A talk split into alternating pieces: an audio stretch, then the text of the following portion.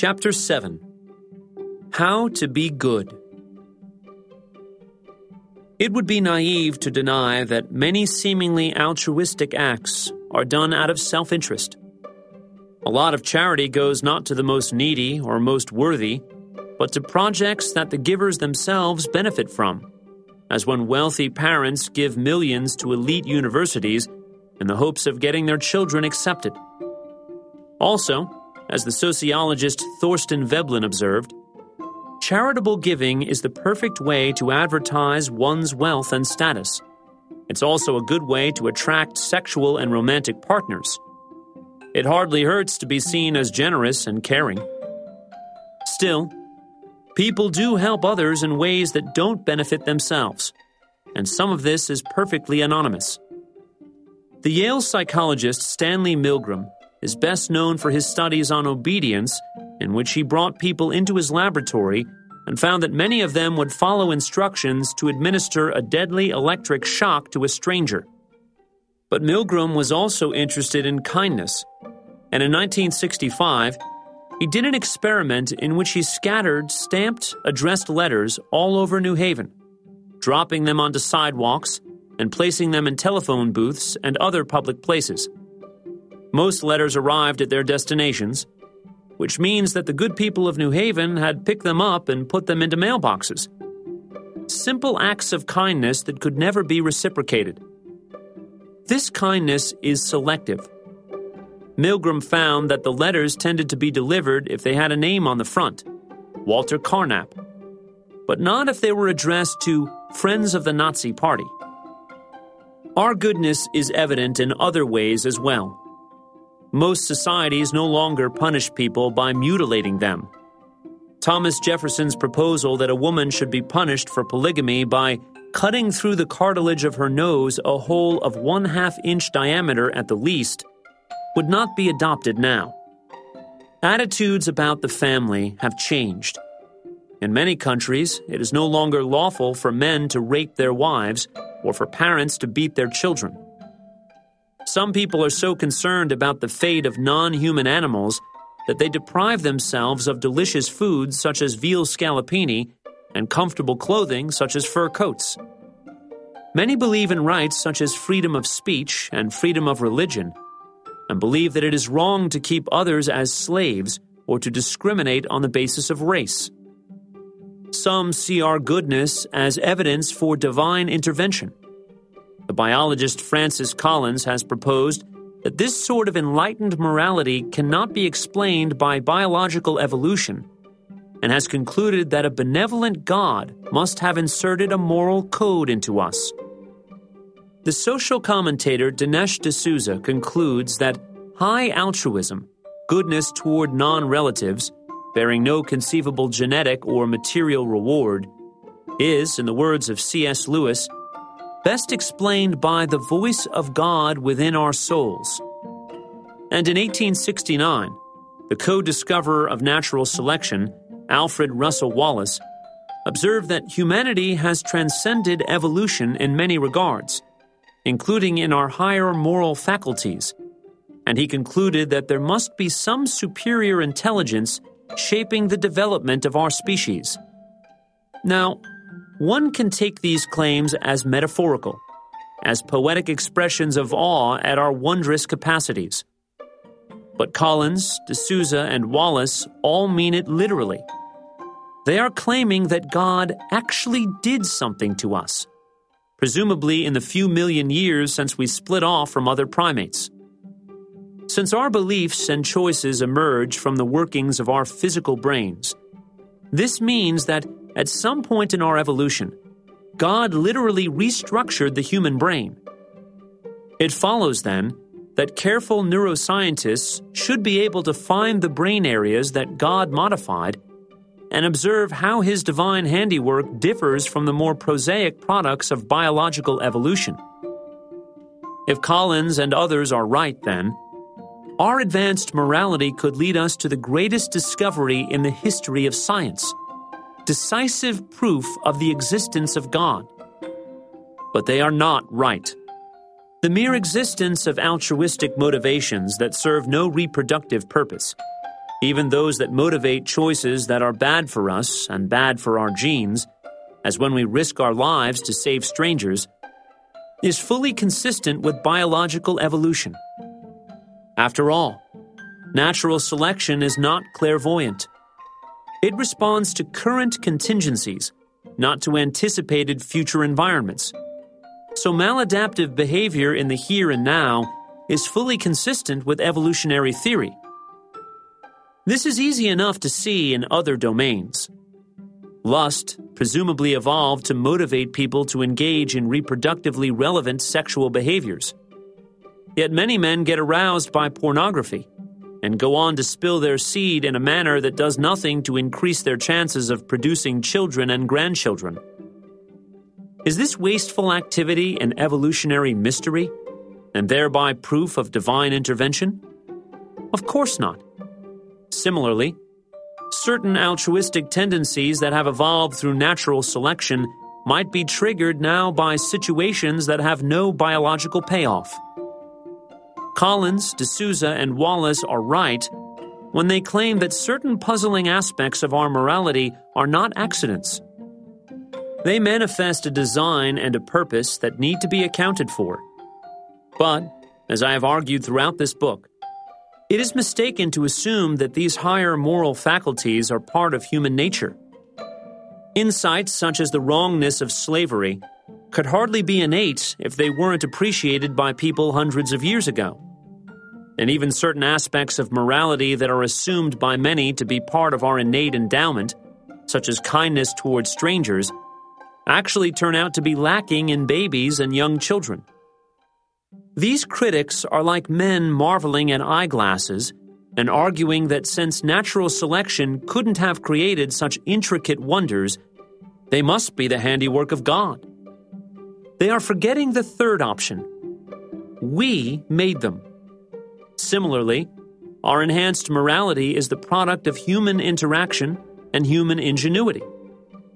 We create the environments that can transform an only partially moral baby into a very moral adult. Consider first the power of custom. My emphasis throughout the book has been on moral sentiments and moral judgments, but neither of these is necessary for good behavior. Think about tipping.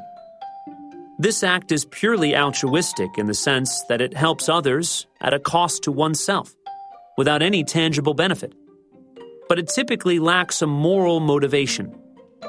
Few people, as they are about to leave behind a few dollars or add a bit to their credit card, actively take the perspective of the person who just served them, flinching at his imagined outrage at being stiffed or warming in the empathetic appreciation of her pleasure at getting an 18% tip. Few of us think about the moral logic of tipping, mulling over how little servers get paid and concluding that we really should hand over something extra. Few of us experience any other directed motivation at all. We just calculate the tip and leave it, with nothing in our heads but the math. Now, it is possible that this thoughtless action is the result of prior contemplation. Perhaps each of us at one time thought about the logic and morality of tipping and decided it was the right thing to do and over time, this kindness turned into reflex. This is how we succeed at complicated activities like tying our shoes. We start by consciously attending to our actions, and soon awareness fades. We proceed on autopilot. Perhaps this is true of morality more generally. As Aristotle noted, one of the traits of virtuous individuals is that they aspire to turn thoughtful good behavior into mindless habit, to grow into the sorts of people who do the right thing without ever thinking about it. Still, much of the behavior that we see as good is picked up as part of one's culture, as custom, and never ruminated upon. It is like learning to speak. When a two year old learns that dogs are called dogs, she will not usually ask why dogs have this particular name, or why things have names at all. These are good questions, and they may occupy her when she gets older. But young children have to learn many tens of thousands of words. And the way to do this is by simply copying what others do, not working out the logic behind it. Indeed, much of what we learn is unconscious. As a result of my upbringing, for instance, I prefer to keep a certain physical distance from other people. But I notice this only when I'm with people who have been raised differently. Just as I am conscious of what we call things in English only when hearing a speaker of another language use different words.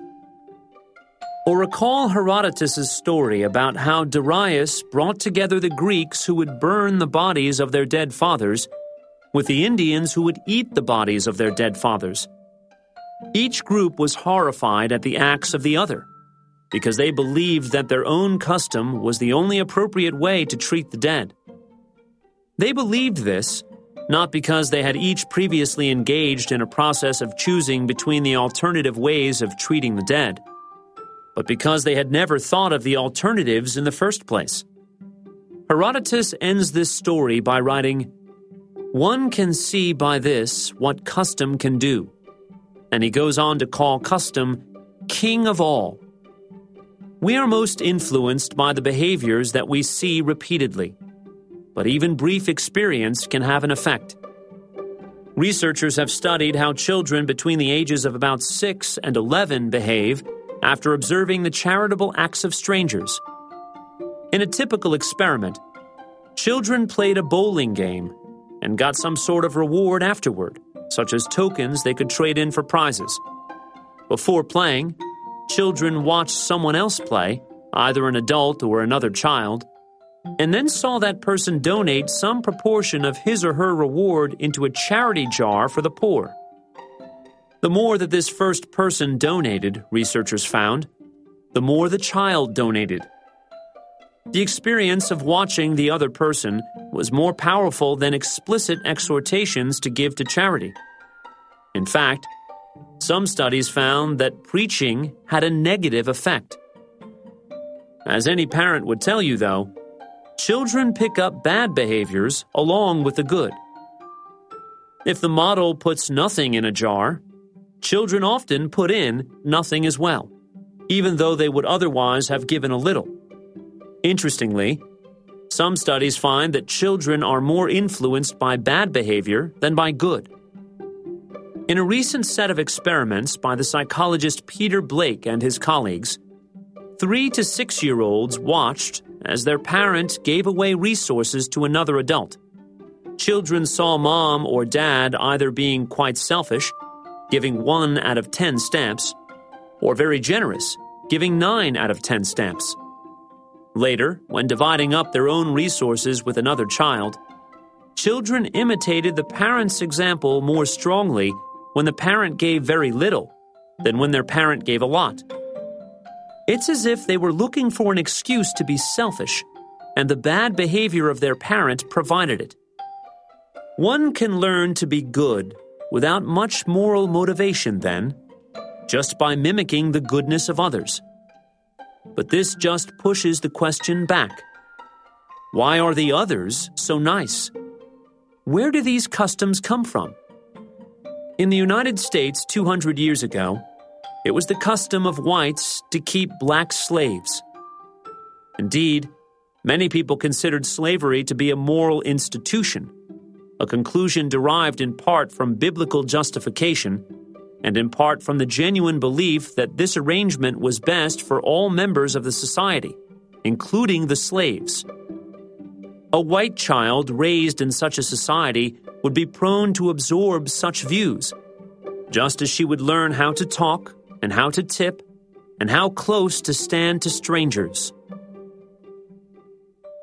One way to think about our changing moral attitudes is in terms of the moral circle. This metaphor was developed by William Lecky, a 19th century historian, and was popularized by Peter Singer in his 1981 book, The Expanding Circle. The moral circle encompasses those individuals whose fates we are concerned with, who matter to us. Lecky believed that the circle starts small and expands over history.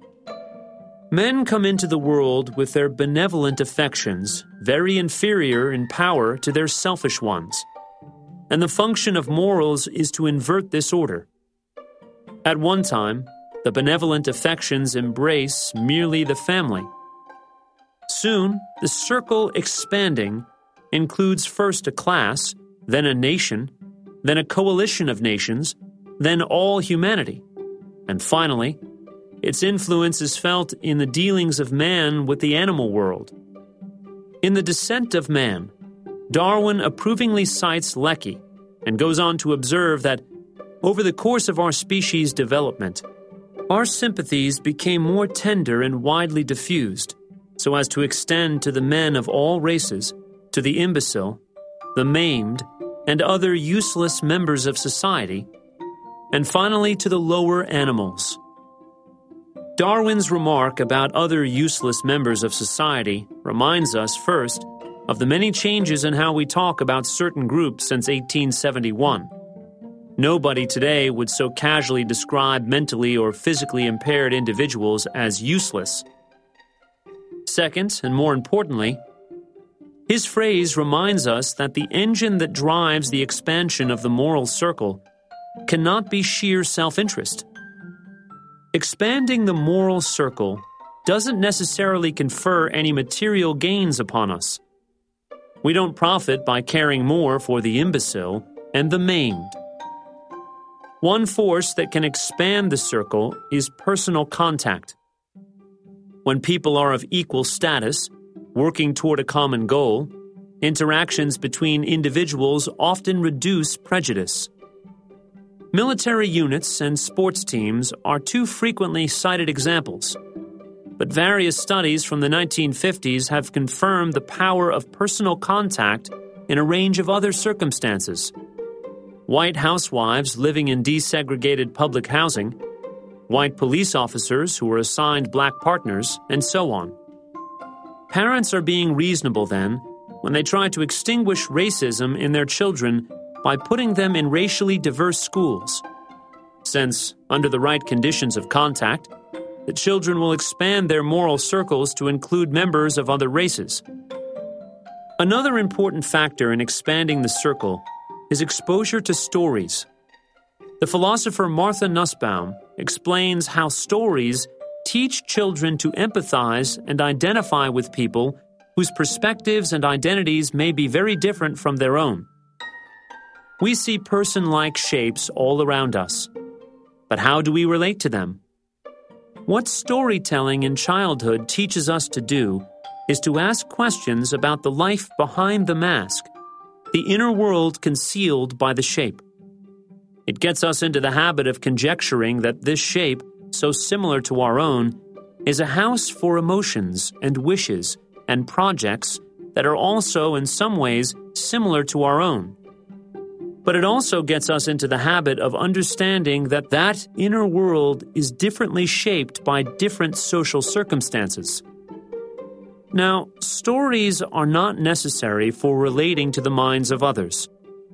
As we discussed earlier, even one year olds think of the person like shapes around them as having emotions and wishes and projects that are distinct from their own. But Nussbaum is talking about habit, not ability and it is worth taking seriously her claim that exposure to stories makes us more prone to think about the minds of other people. Also, there are some person like shapes whom we wouldn't naturally tend to consider. I had never given much thought to the plight of prisoners in solitary confinement, but after reading a moving journalistic discussion, I now feel differently. Stories can elicit compassion on a case by case basis but they can also lead us to question our moral principles and our habits of behavior. As the psychologist Steven Pinker puts it, exposure to worlds that can be seen only through the eyes of a foreigner, an explorer, or a historian can turn an unquestioned norm that's the way it's done into an explicit observation. That's what our tribe happens to do now.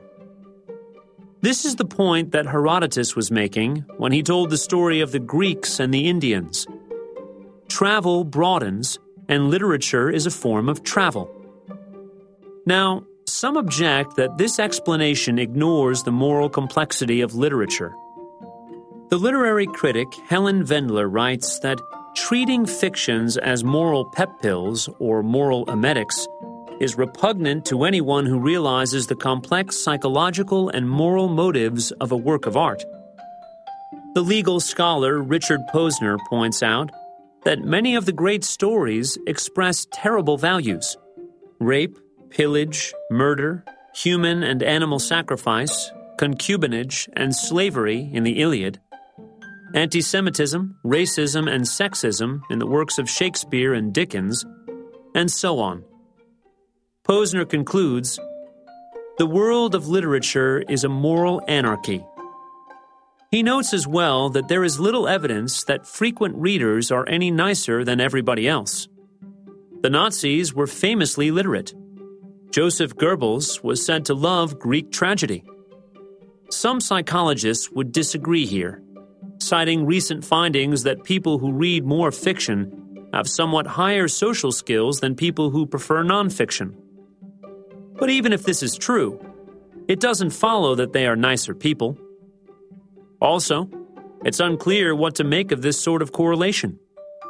Perhaps it's not that reading makes one more social, but instead that social people enjoy fiction more. Women read more fiction than men, and this may be because women are, in certain regards, more social than men. And along these lines, Jennifer Barnes, a former graduate student in my lab, found that adults who suffer from mild forms of autism, and hence who are socially impaired, are less interested in fiction than a more normal population. So while it's clear that one's social and empathetic capacities influence one's interest in fiction, we can't be confident that the effect goes in the other direction. Still, the right fiction at the right time can have an effect. There is significant historical evidence that literature, movies, television shows, and the like really have influenced the trajectory of human history, which supports Nussbaum's rebuttal to Posner. The Nazis might have read a lot, but they didn't read the right sort of books. Harriet Beecher Stowe's 1852 book, Uncle Tom's Cabin, the best selling novel of the 19th century, helped whites to imagine slavery from the perspective of slaves and played a significant role in changing Americans' attitudes toward the institution. Dickens's Oliver Twist prompted changes in how children were treated in 19th century Britain. The work of Alexander Solzhenitsyn introduced people to the horrors of the Soviet Gulag. Movies such as Schindler's List and Hotel Rwanda expanded our awareness of the plights of people, sometimes in the past, sometimes in other countries, whom we might never encounter in real life. For a more recent example, consider how radically the treatment of racial and sexual minorities in the United States has changed over the last few decades. Much of the credit here should go to television. We often relate to characters on our favorite shows as if they were our friends. And millions of Americans regularly interacted with pleasant and amusing and non threatening blacks and gays on programs like The Cosby Show and Will and Grace. This can be powerful stuff. It might well be that the greatest force underlying moral change in the last 30 years of the United States was the situation comedy. I admit that this is just a hunch, but it's backed up by evidence from other countries where the introduction of television has had an observable effect on moral beliefs. Robert Jensen and Emily Oster find that when rural Indian villages start to get cable television, more women attend school, people find spousal abuse less acceptable, and there is a decrease in the preference for sons over daughters. Jensen and Oster suggest that these changes result from exposure to soap operas, which tend to present more cosmopolitan values. Similar findings have emerged from studies in Brazil and Tanzania. There is no law of nature, though, stating that the messages conveyed through stories have to be morally good ones. For every story that expands the moral circle, motivating the audience to take the perspective of a distant other, one can find another that shrinks it, describing how people outside the in group are evil or disgusting. For every Uncle Tom's Cabin and Schindler's List, there is a birth of a nation and a protocols of the elders of Zion. Any theory of moral change has to explain why the expansive stories have more purchase than the cruel ones, and why we are motivated to create such good stories in the first place. No discussion of morality would be complete without discussing religion, as many see this as a major force for moral progress. Actually, many people, especially in America, take this further. They think you cannot be good without believing in God. Many Americans say that they would not vote for an otherwise qualified atheist to be president. In fact, atheists come off worse in this regard than Mormons, Jews, and homosexuals. When people are asked about who shares their vision of American society, atheists are at the bottom. They are seen as self interested and immoral as both potential criminals and snooty elitists. Some suggest that even if individuals can be good without God, still, they owe some of that goodness to having grown up in a society founded on religious ideals.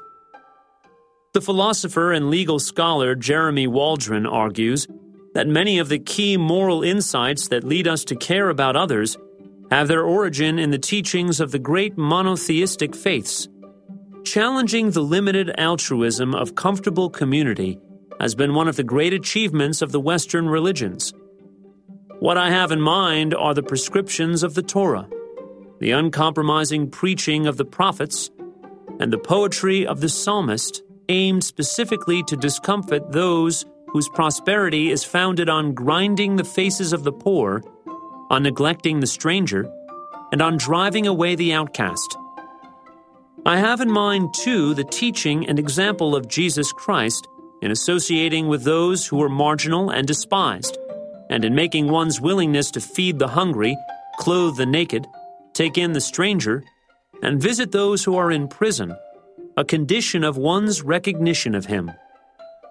If Waldron is right, then religion explains, at least in part, the expansion of the moral circle other scholars, though, hold the opposite view, agreeing with Christopher Hitchens that religion is violent, irrational, intolerant, allied to racism and tribalism and bigotry, invested in ignorance and hostile to free inquiry, contemptuous of women, and coercive toward children. Now, any fair minded observer would have to agree that many moral projects that we now see as positive such as the establishment of major international charities and the American Civil Rights Movement, have been grounded in religious faith and supported by religious leaders. But it should be equally obvious that some of the most horrific atrocities in history have been motivated by religious faith. Supporters of religion can go through the Bible and the Koran and cite the enlightened parts Religion's critics can easily rattle off long passages that we now see as morally grotesque, such as divine approval of genocide, slavery, and mass rape. Indeed, some passages reflect a moral code that is almost comically cruel, as in the story of how little children teased the prophet Elisha about his baldness Go up, thou bald head. And so Elisha cursed them and then two she bears came out of the woods and tear forty and two children of them. There has to be an answer to the question of whether religion has been a net gain or a net loss for our species. But nobody knows what the answer is, and I'm not sure anyone ever will. The problem is that religion is everywhere. Right now, and for as far back as we know, most people are religious. Most of us believe in one or more gods. Most believe in some sort of afterlife. Most engage in some sort of religious practice. This makes it difficult to separate the influence of religion from every other aspect of being human, and makes it particularly hard to assess claims about non religious societies and individuals. Certainly, there are atheists who are moral, but perhaps their morality benefits from the religiosity of those societies in which they live. Certainly, there are decent countries with a large proportion of atheists, such as Denmark, but such countries are just a few generations from being devout, so perhaps they have inherited their virtues from their religious past. Asking how humanity would fare without religion is like asking what things would be like if we had three sexes instead of two, or if humans could fly. We might have better luck with a more modest question Are the religious individuals in a society more moral than the secular ones? Many researchers have looked into this, and the main finding is that there are few interesting findings. There are subtle effects here and there some studies find, for instance, that the religious are slightly more prejudiced. But this effect is weak when one factors out other considerations, such as age and political attitudes, and exists only when religious belief is measured in certain ways. The only large effect is that religious Americans give more to charity, including non religious charities, than atheists do. This holds even when one controls for demographics. Religious Americans are more likely than average to be older, female, Southern, and African American. To explore why this relationship exists, the political scientists Robert Putnam and David Campbell asked people about life after death, the importance of God to morality, and various other facets of religious belief. It turns out that none of their answers to such questions were related to behaviors having to do with volunteering and charitable giving. Rather, participation in the religious community was everything. As Putnam and Campbell put it, once we know how observant a person is in terms of church attendance, nothing that we can discover about the content of her religious faith adds anything to our understanding or prediction of her good neighborliness. In fact, the statistics suggest that even an atheist who happened to become involved in the social life of the congregation, perhaps through a spouse, is much more likely to volunteer in a soup kitchen than the most fervent believer who prays alone. It is religious belongingness that matters for neighborliness, not religious believing. This importance of community and the irrelevance of belief extends as well to the nastier effects of religion. The psychologist Jeremy Ginges and his colleagues found a strong relationship between religiosity and support for suicide bombing among Palestinian Muslims. And again, the key factor was religious community, not religious belief. Mosque attendance predicted support for suicide attacks. Frequency of prayer did not. Among Indonesian Muslims, Mexican Catholics, British Protestants, Russian Orthodox in Russia, Israeli Jews, and Indian Hindus, frequency of religious attendance, but again, not frequency of prayer, predicts responses to questions such as I blame people of other religions for much of the trouble in this world.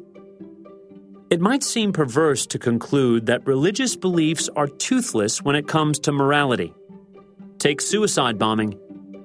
Even if one's attitude is best predicted by religious attendance and not religious belief, it does seem reasonable to conclude, as Richard Dawkins does, that someone who believes that God wants them to kill infidels is going to be a lot more enthusiastic about killing infidels than someone who doesn't believe in God in the first place. More generally, religions make explicit moral claims about abortion, homosexuality, duties to the poor, masturbation, and just about everything else. Surely this would have an effect on the psychologies of their followers. Maybe. But an alternative is that religious belief does not cause moral belief, it reflects it. This is a view defended by the journalist and scholar Robert Wright in The Evolution of God. Wright is particularly interested in the expansion and contraction of what we have been describing here as the moral circle, and he tracks how monotheistic religions have changed their attitudes toward those outside the group. For Wright, These shifts correspond to more general cultural changes.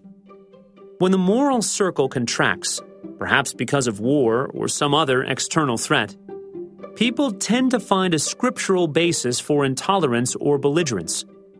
When it expands, they're more likely to find the tolerant and understanding side of their scriptures. Believing that scripture itself causes these changes is like concluding that newspaper headlines cause plane crashes. This doesn't necessarily mean that religious belief is irrelevant to morality. It might serve as an accelerant, part of a self reinforcing system. Individuals or societies who are inclined to hate some group of people, homosexuals, say, will seek support from religious texts and the words of religious figures. Once they find it, this can reinforce and justify and intensify their hatred. Those who are inclined toward compassion or justice can find support for this as well. And hence, religion can ground causes that even the staunchly secular will deem morally positive. We have considered some of the forces that drive moral change, but we've ignored so far the complexity of many moral decisions. This is particularly the case with regard to the moral circle, where we have followed scholars like Lecky and Darwin in assuming that the bigger the circle, the better. This is a plausible enough position to start from. One might say that the main problem with humanity up to now is that our circle of concern has tended to be so cruelly small. But it's not hard to see that a bigger moral circle isn't always a better one. Should we expand our circle to fetuses, treating them as morally equivalent to children? What about embryos, zygotes? Some would say yes, all the way down. And indeed, Many believe that society's refusal to protect these individuals from destruction is a moral wrong on a par with the Holocaust. What about non human animals? In Paris in the 1500s, lowering a cat onto a fire was considered an acceptable form of public entertainment.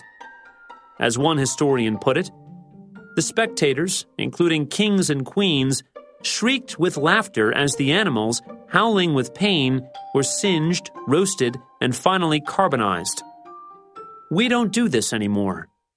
Should the next step be to stop hunting animals, eating them, and using them for medical research? Some would say yes to all of this too. But then what about the proper treatment and protection of skin cells? Personal computers? Viruses? Not everything has moral weight and a too big moral circle makes life worse for those individuals who plainly do have rights and moral worth.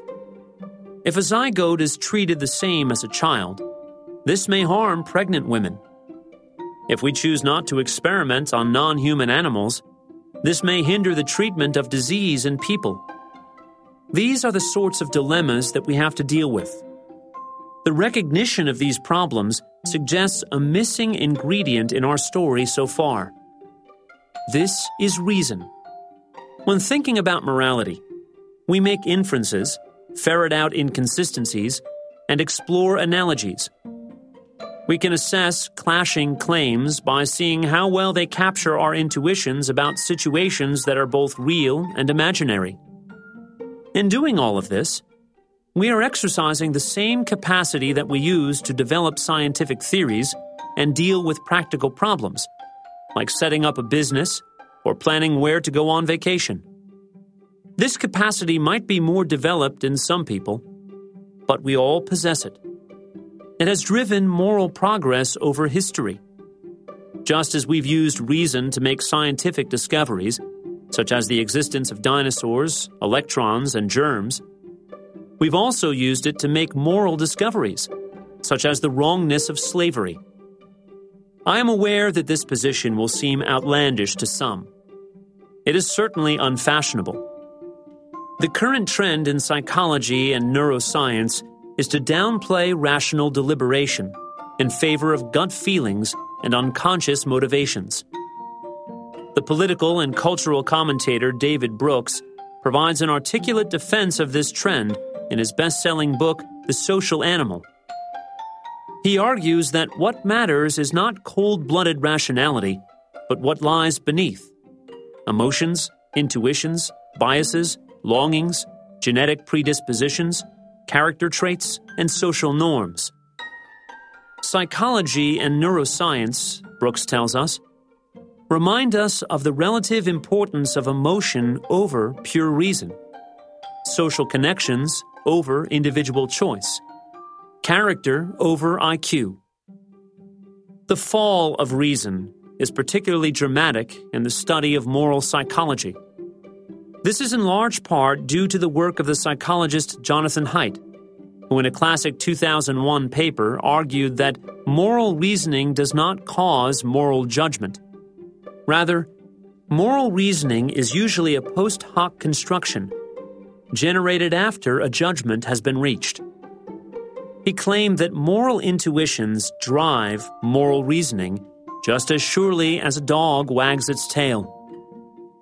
While nobody is insisting that reason is entirely impotent, Brooks is clear that we can sometimes use our intelligence to override our gut.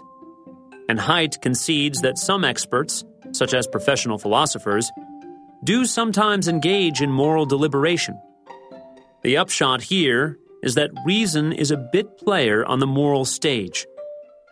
This conclusion connects contemporary psychology with an important faction within moral philosophy, one whose rallying cry comes from David Hume. Reason is, and ought only to be, the slave of the passions, and can never pretend to any other office than to serve and obey them. I will concede that there is something true about Hume's claim. As we discussed earlier, without some initial spark of caring, we wouldn't be moral beings in the first place. Furthermore, some of our moral judgments, like those we explored in Chapter 5, having to do with disgust and purity, are plainly not the result of reason. And, as Haidt has observed, our explanations for such judgments are often nothing more than post hoc justifications. More generally, many factors influence our judgments and our actions without our even realizing it. Washing our hands, a reminder of purity, makes us more morally disapproving, and so does the sight of a messy room or the whiff of fart spray. We are more willing to help others if there is the smell of fresh bread in the air, or if we have just found a small sum of money. But none of this shows that reason is irrelevant. After all, Many moral intuitions can be justified. People are not tongue tied when asked why drunk driving is wrong, or why it is a good thing to hold the door open for someone on crutches. We are not at a loss when asked why it is worse to kill someone than to yell at them, or why it would be wrong for an employer to pay the black workers less than the white ones.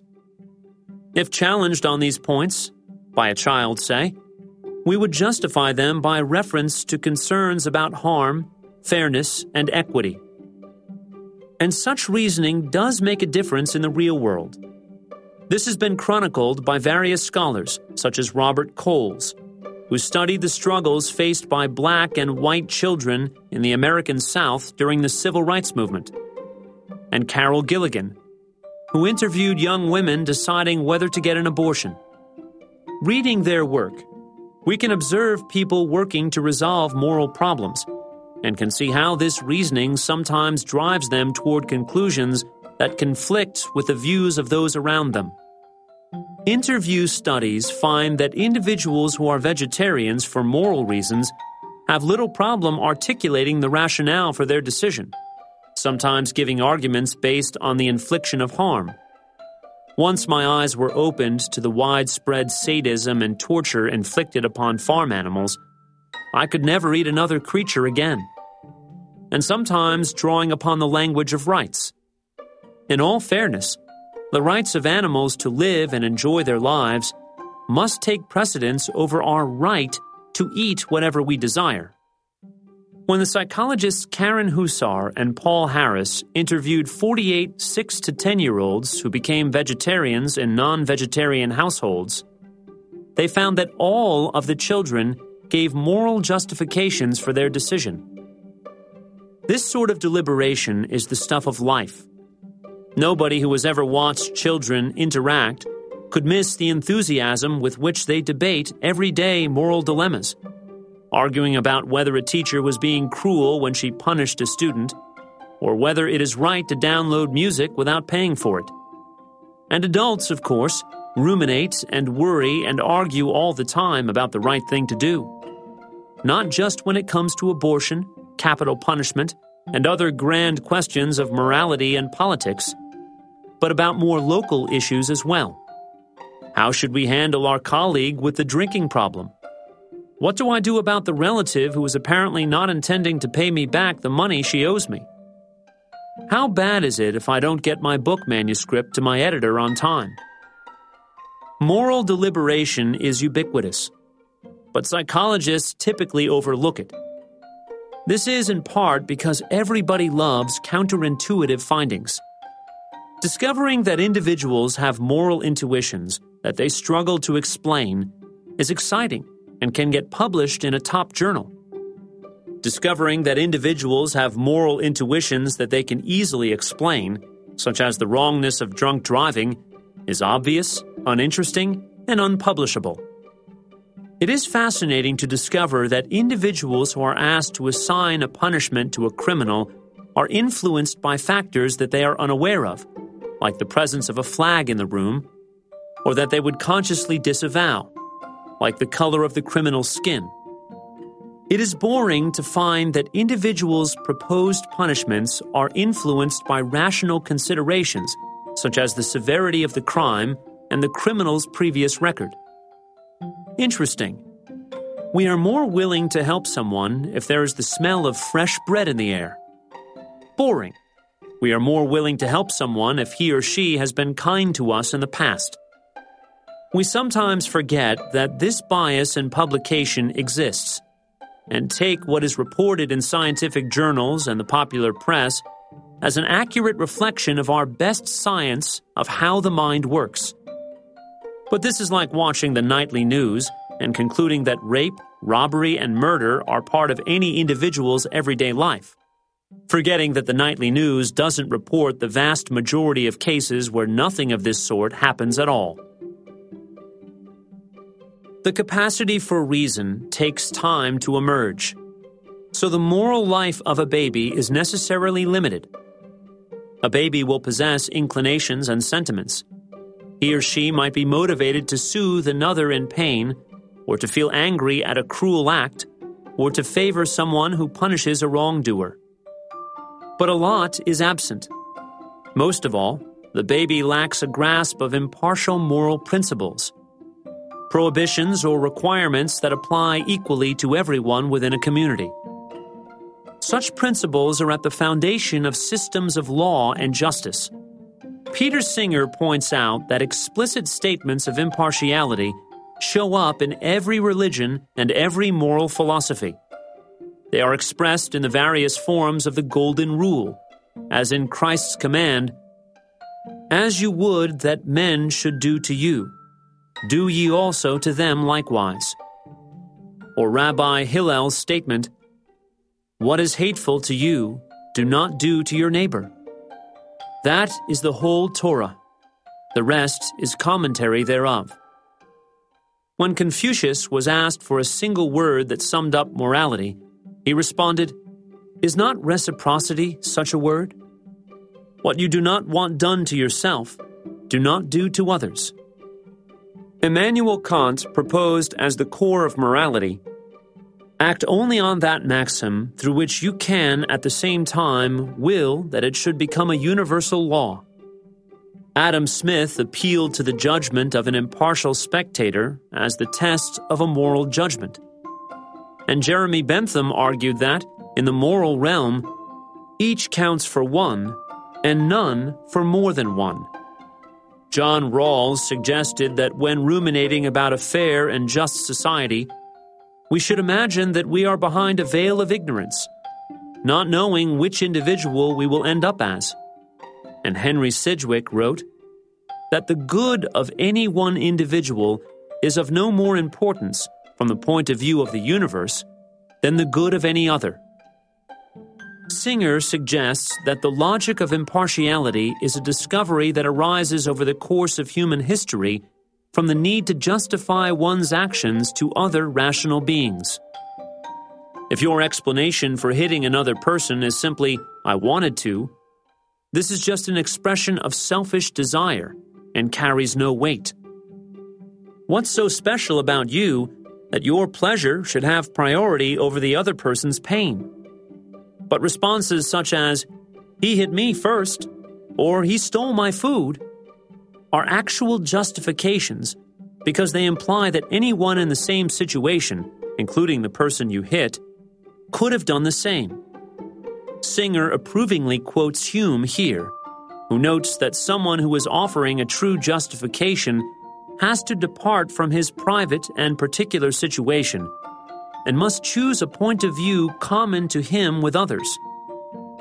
This is what it means to offer a reason. As Pinker puts it, commenting on Singer's proposal, as soon as you try to persuade someone to avoid harming you by appealing to reasons why he shouldn't, you're sucked into a commitment to the avoidance of harm as a general goal. We've been focusing on the specific case of harm, but the logic holds more generally. Individuals who benefit from working together on projects such as big game hunting or shared childcare need to coordinate their behavior, and some people will occasionally have to sacrifice for the greater good. This can succeed only if there are systems of reward and punishment that apply impartially within the community. The need for impartiality is most clear when it comes to the distribution of goods, such as food. If an individual tries to take everything, shouting, I want it, the situation devolves into a fight, and everyone is worse off. But statements such as, I want an even share, or I want more because I worked harder, can be appreciated by rational beings. Because again, these standards and principle apply to all of us. Under this account, impartiality emerges as a reasoned solution to the problem of coordinating the actions of rational and self interested beings. But empathy might play a role as well. When you take the perspective of others, it becomes clear that your desires are not special. It's not only that I don't want to be harmed, it's also that he doesn't want to be harmed, and she doesn't want to be harmed, and so on. This can support the generalization that nobody wants to be harmed, which can in turn support a broader prohibition against harm. Empathy and impartiality are often mutually reinforcing. The exercise of empathy makes us realize that we are not special after all, which supports the notion of impartial principles, which motivates us to continue to empathize with other people. As an example of how empathy and reason work together, consider parental behaviors that psychologist Martin Hoffman calls inductions. These occur when a child has harmed or is about to harm someone, and the parent urges the child to take the victim's perspective, saying things like, If you throw snow on their walk, they will have to clean it up all over again. Or, he feels bad because he was proud of his tower, and you knocked it down. Hoffman estimates that children between the ages of 2 and 10 receive about 4,000 inductions a year. We can see these as empathetic prods, attempts to get children into the habit of taking the perspective of others. But they also serve as a repeated argument, making the point over and over again to the child you are not morally privileged. Young children are not just passive recipients of moral arguments. They can also generate such arguments. And we see here a sort of recapitulation of how our ancestors might have been forced to appeal to reason to justify their actions. When the psychologists Melanie Killen and Adam Rutland recorded the interactions of a group of three and a half year olds playing alone in a room with no adults present, they captured this process of moral persuasion perfectly. Ruth, holding up two Fisher Price people. Hey, I want the green person. How about if we trade? Here, you can have this one. Gives a blue person to Michael. And I can have the green one, okay? Reaches for the green person that Michael is holding. Michael, no, we already did trade. I want this one. Holds on to the green one. I want it now, and you had it already. Lily, hey, you can both have my spoons if you want. Shows her spoons to Michael and Ruth. Ruth, no, I want the green person. Michael, I'm not trading any of mine. Hovers over his toys. Lily, sings. I'm not trading any of mine. Ruth sings. I'm not trading any of mine. Lily. Well, that's not fair because I don't have any people. Pouts. Michael. To Ruth. Give her one of them. Ruth. But you have three, and she has none, and I have one. So that's not fair. Lily. Yeah, because I have none. Ruth, to Michael. You know what? If you give me the green, then I'll give her the red one, and then we'll all have one. Michael. Well, if you don't give me the red one, then I won't invite you to my birthday party. Lily. But I don't have any people. Ruth. Okay, I'll give you this one to Lily. And I'll take this one from Michael, and then we'll all have one, okay? Michael gives orange person to Ruth. Okay, but can we trade again tomorrow? Ruth sings, Birthday party! Takes the orange person from Michael and gives the red person to Lily. Lily sings, Birthday party! Michael sings, Birthday party! We know from the research reviewed earlier in this book that young children are stingy when asked to distribute resources. They might strongly endorse a principle of equal division when it comes to other people, but when they themselves are in a position to hand out resources, they tend to keep the lion's share. But we see relatively little stinginess in the interaction between Ruth, Lily, and Michael. They deal well with one another in large part because they have to. Like Singer's hypothetical individuals from our distant past, they can't get away with, I want to. They are forced to provide and live up to objective justifications. And their justifications are relatively sophisticated. There is more singing than in your average philosophy seminar, and Michael does threaten Ruth at one point, but they are also appealing to impartial principles not just stating demands or expressions of preference. Lily and Ruth both insist, and Michael ultimately agrees, that it's fair that each of the children gets at least one toy, as when Lily says, Well, that's not fair because I don't have any people. And Michael himself appeals to a principle that dictates that an individual toy gets to be shared over time. I want it now, and you had it already. It was not inevitable that the dispute ended where it did. Michael might have responded to Lily and Ruth by arguing that there were other reasons why he should keep all of his toys. Perhaps he owned them, or perhaps he just enjoyed them so much more than everybody else. He might well have convinced the other children that one of these other considerations overrode the principle of equal division. Reasoning can take us in surprising directions. Once we have a commitment to impartial principles, this can trump our self interest. We sacrifice to do what we feel is right. Some examples of this include Oskar Schindler, who risked everything to save Jews from the Holocaust, and Paul Rusesabagina, who sheltered Tutsis during the Rwandan genocide. But my own favorite illustration comes from Rick Blaine in Casablanca played by Humphrey Bogart. The movie ends with Rick explaining to his lover, Ilsa Lund, why she has to go with her husband and leave him behind. And he grounds his explanation in an eloquent statement of moral impartiality. Look, I'm no good at being noble. but it doesn't take much to see that the problems of three little people don't amount to a hill of beans in this crazy world. We should keep this quote in mind when we consider the increasingly popular view that we are slaves of the passions, that our moral judgments and moral actions are the product of neural mechanisms that we have no awareness of and no conscious control over. If this view of our moral natures were true, we would need to buck up and learn to live with it. But it is not true.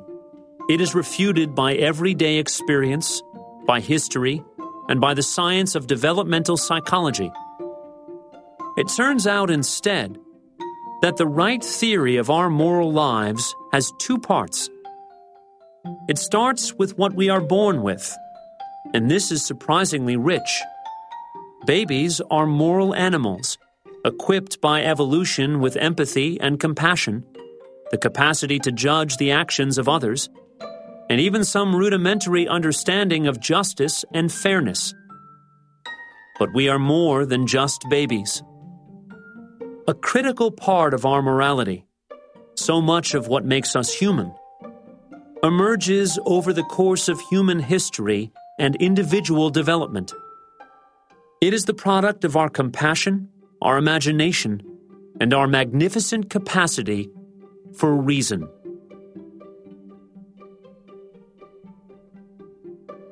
This is Mike Chamberlain. We hope you have enjoyed this unabridged production of Just Babies The Origins of Good and Evil by Paul Bloom. This program was directed by Kathy Thornburn.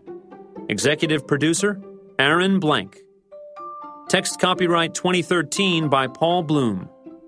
Production copyright 2013 Random House, LLC. All rights reserved.